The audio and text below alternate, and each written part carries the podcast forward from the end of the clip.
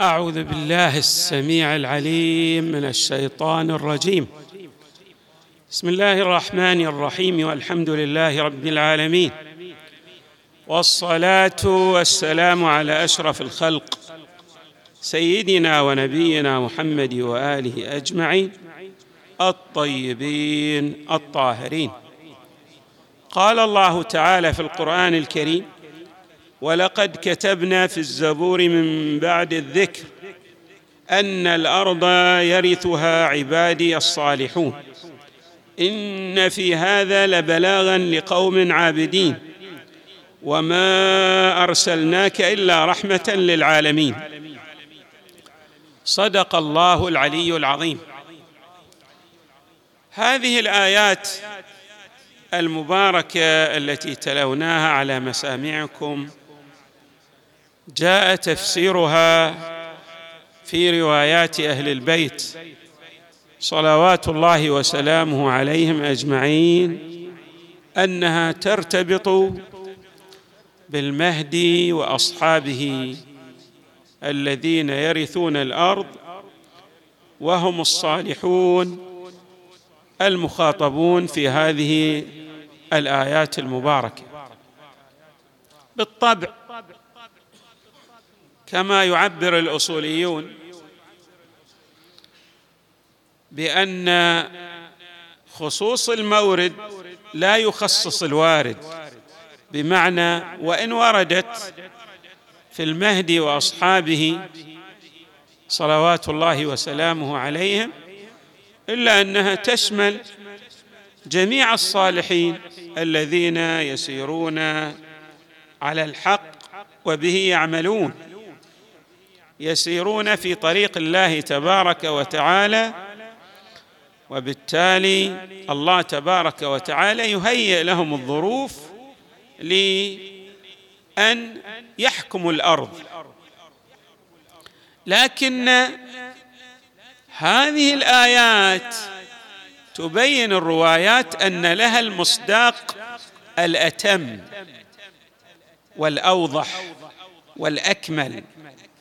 بمعنى أن كلمة الأرض تشمل جميع وجملة الأرض. ما في قطر من الأقطار ما في مكان من الأمكنة إلا وتستوعبه كلمة الأرض.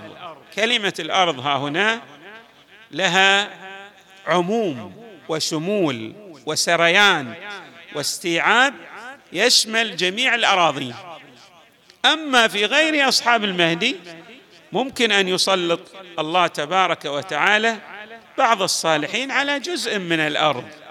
ولكن هذا الجزء بسيط. أما في أصح... في المهدي وأصحابه كما نعبر جميع الكرة الأرضية ستكون تحت أيديهم. طبعا الآيات ماذا تقول؟ تقول هكذا ولقد كتبنا في الزبور من بعد الذكر. الذكر كما جاء في بعض الآيات القرآنية يراد به الزبو يراد به التوراة العهد القديم. وقد وردت بعض الآيات التي تبين حتى وردت أيضا بعض الآيات تفصح عن أن المراد بالذكر هو القرآن الكريم يعني هذه الكتب السماوية الكبيرة التي تمثل رسالة سماوية واسعة الانتشار.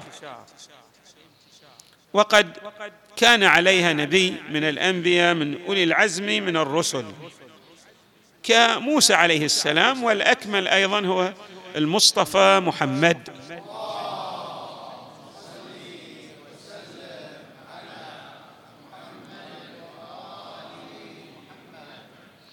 فإذا الذكر تتحدث عن التوراة.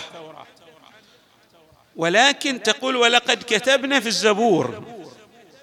بعض العلماء كما يشير بعض المفسرين يقول إن الزبور هو كل كتاب سماوي. ولكن هذا التفسير غير صحيح. الزبور هو المراد به هنا هو زبور داود زبور داود هو مجموعة من المزامير التي كانت فيها الأدعية والمناجات والابتهالات لهذا النبي العظيم داود أما لماذا ذكر زبور داود في هذه الآية المباركة أو هذه الآيات المرتبطة بدولة المهدي؟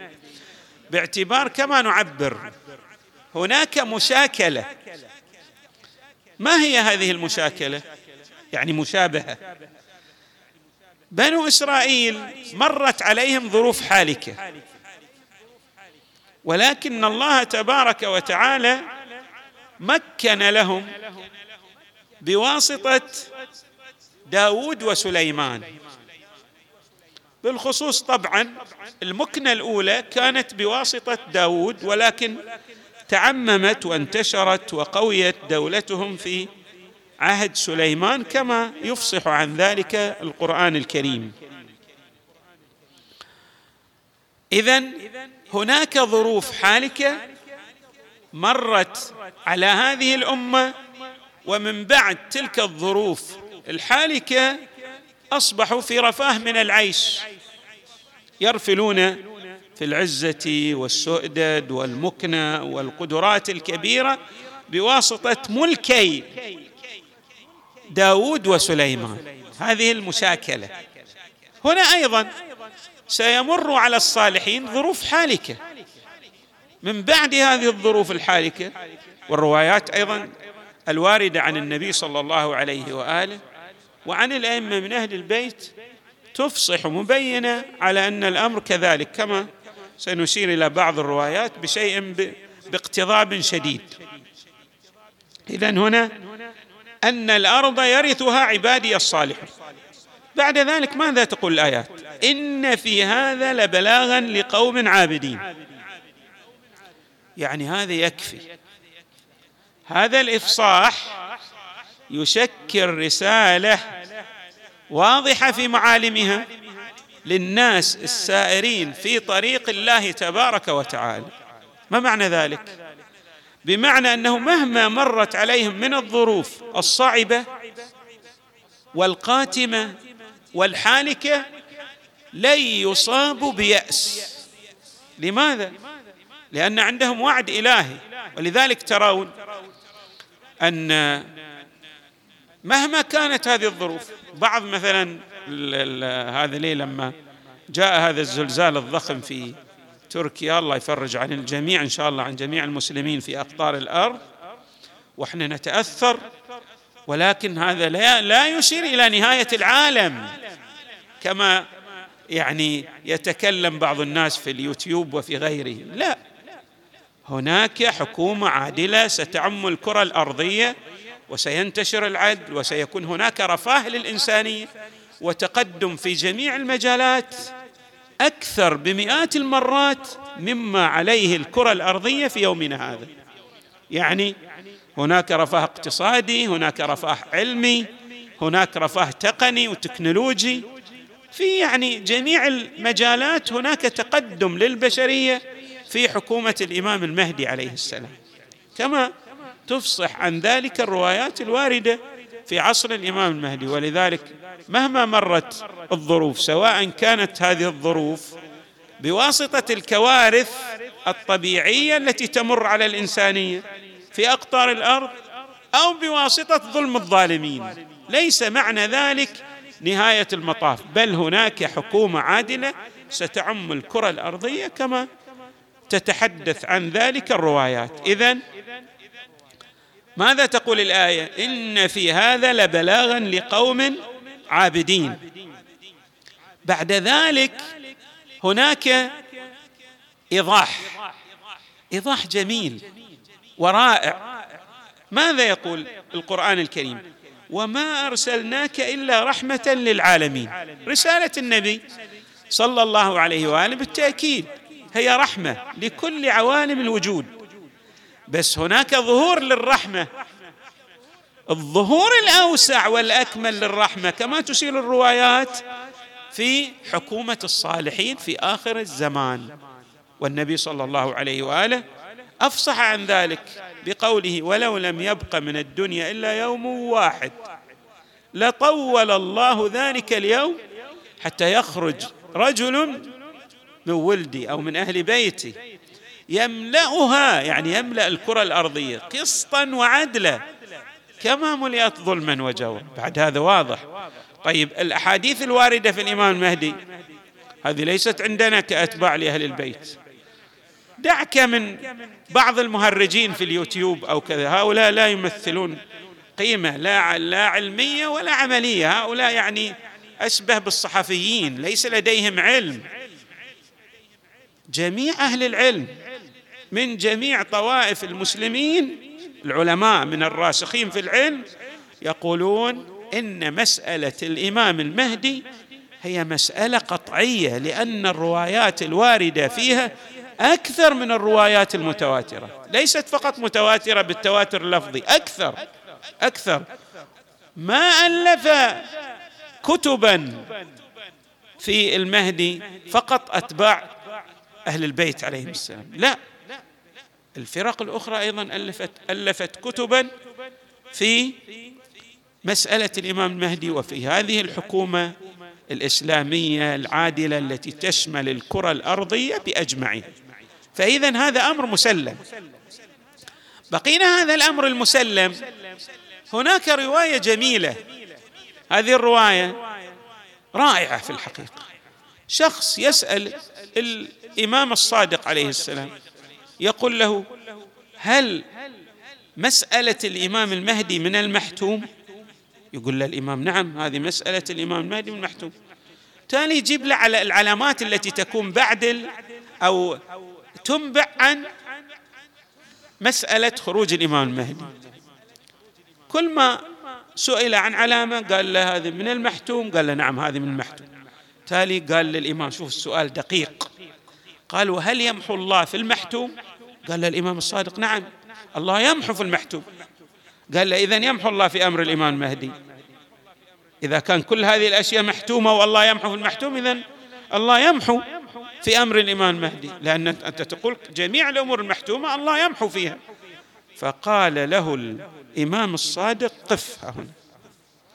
قال كيف؟ قال أمر الإمام المهدي وعد. وعد إلهي ولن يخلف الله وعده.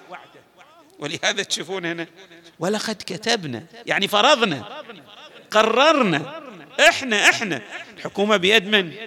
لله ملك السماوات والأرض.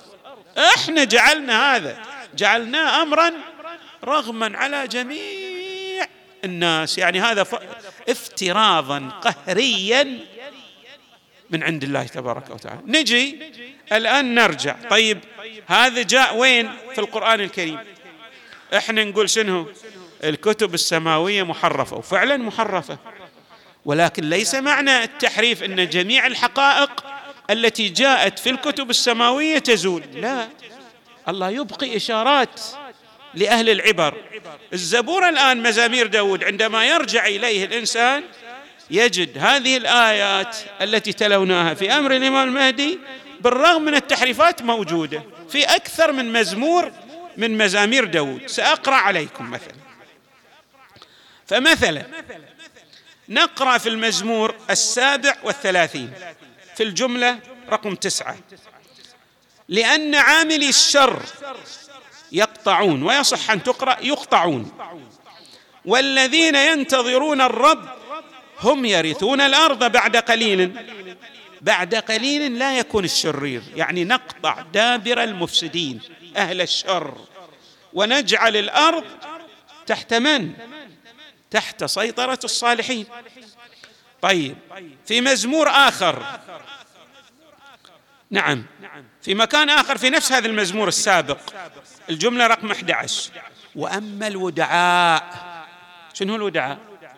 يعني الله يدخر ناس يودعهم في الأرض.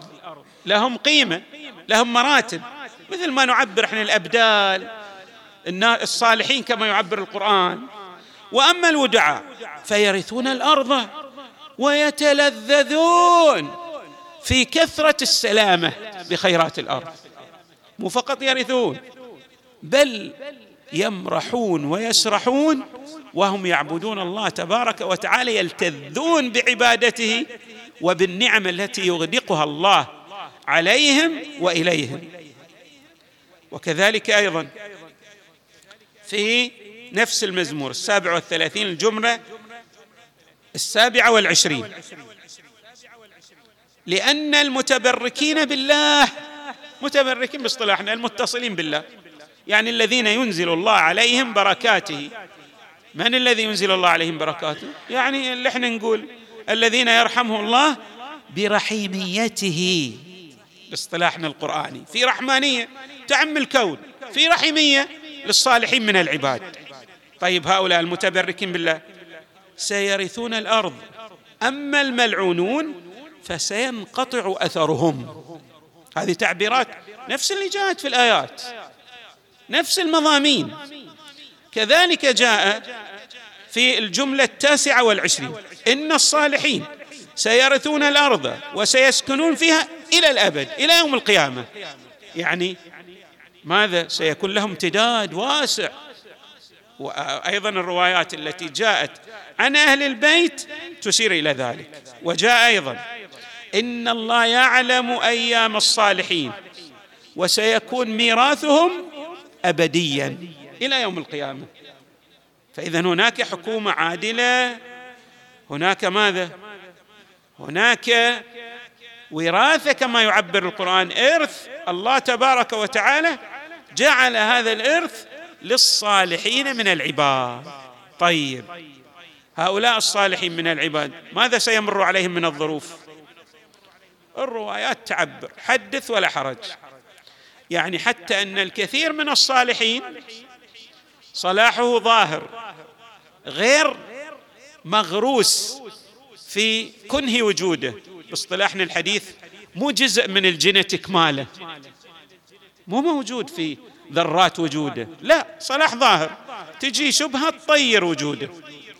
هؤلاء الكثير منهم اللي نشوفه أنت صالح بين ليلة وضحاها سيدع. سيدع هذا الاتجاه الصحيح سينقلب على عقبيه. ولذلك تشير الروايات أن الكثير منهم سيقولون في الإمام المهدي يقولون هلك في أي واد سلك. يعني مو موجود. أنتم تقولون موجود والآن التعبيرات تشوفونها حتى من بعض أتباع أهل البيت يقولون هلك ما في شيء اسمه مهدي. لو كان الإمام المهدي هذه الروايات جاية تتحدث عن هذا الموضوع مو إحنا اللي نقول. تقول إن بعض أتباع أهل البيت عليهم السلام عليهم السلام يعني أهل البيت مو الأتباع هؤلاء الذين يظلون. هؤلاء سينكرون المهدي مما تمر به الظروف العالمية من مآسي وكوارث وامتحانات صعبة جدا. لا ينجو فيها إلا القليل. وهذا المعنى أشار إليه الحق تبارك وتعالى في قوله وقليل من عبادي الشكور. نسأل الله أن يجعلنا مع إمامنا المهدي في الدنيا والآخرة بحقه وبحق آبائه الكرام وأجداده العظام. والحمد لله رب العالمين. وصلى الله وسلم وزاد وبارك على سيدنا ونبينا محمد وآله أجمعين الطيبين الطاهرين.